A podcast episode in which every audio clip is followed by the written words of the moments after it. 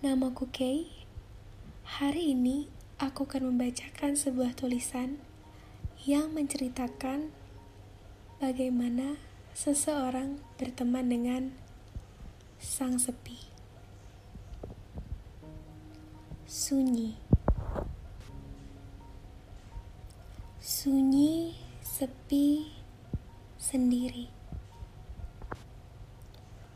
Benturan kaca itu semakin keras, seperti berusaha memecahkan keadaan. Tangisan langit terus mengiringi hariku. Aku menyukai keseluruhan baunya, ketenangannya, dan hamparan keadaan yang ada. Anehkah hal ini? Aku mencintai sepi, sunyi, dan sendiri. Tidak ada siapa pun, tidak ada apa pun. Normal untuk kalian, belum tentu normal untukku. Mengerti? Semoga saja agar kalian bisa memahami kisah cintaku dengan sunyi. Bebanku penuh, bukan berarti aku menyerah. Sekali lagi, sunyi, sepi, sendiri. Bukan bentuk penyerahan. Melainkan bentuk keadaan. Karena saat ini aku tidak menyerah, sama sekali tidak. Bahkan aku sangat tidak peduli.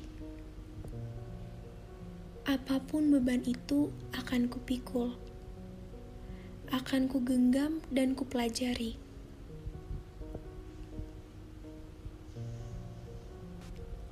Hingga saatnya tiba nanti, abadiku bersama sepi, bersama sunyi, dan sendiri yang akan mengantarkanku kepadanya. Ingatlah kicauanku bahwa kisah cintaku dengan sunyi adalah sejati karena sunyi terus beriku kenyamanan. Sunyi itu mengerti, aku ingin sendiri, tanpa suara, tanpa nada, hanya ada aku dan sunyi. Aku ingin kalian tahu bahwa aku sangat menyukai sepi. Di saat sepi, aku melakukan banyak hal yang sebelumnya tak pernah terpikirkan olehku. Banyak ide-ide gila yang aku dapatkan saat sepi. Sangat menguntungkan, bukan? Aku butuh sepi, dan aku pikir semua orang juga membutuhkannya. Sepi itu bukan berarti kesepian. Walaupun mungkin kalian tidak terbiasa dengan sepi. Tetapi kadang sepi adalah sahabat terbaik kita. Karena di saat sepi, kita dapat menyimpan rasa kita sendiri. Suka, ataupun duka. Di saat sepi, kita juga dapat rehat.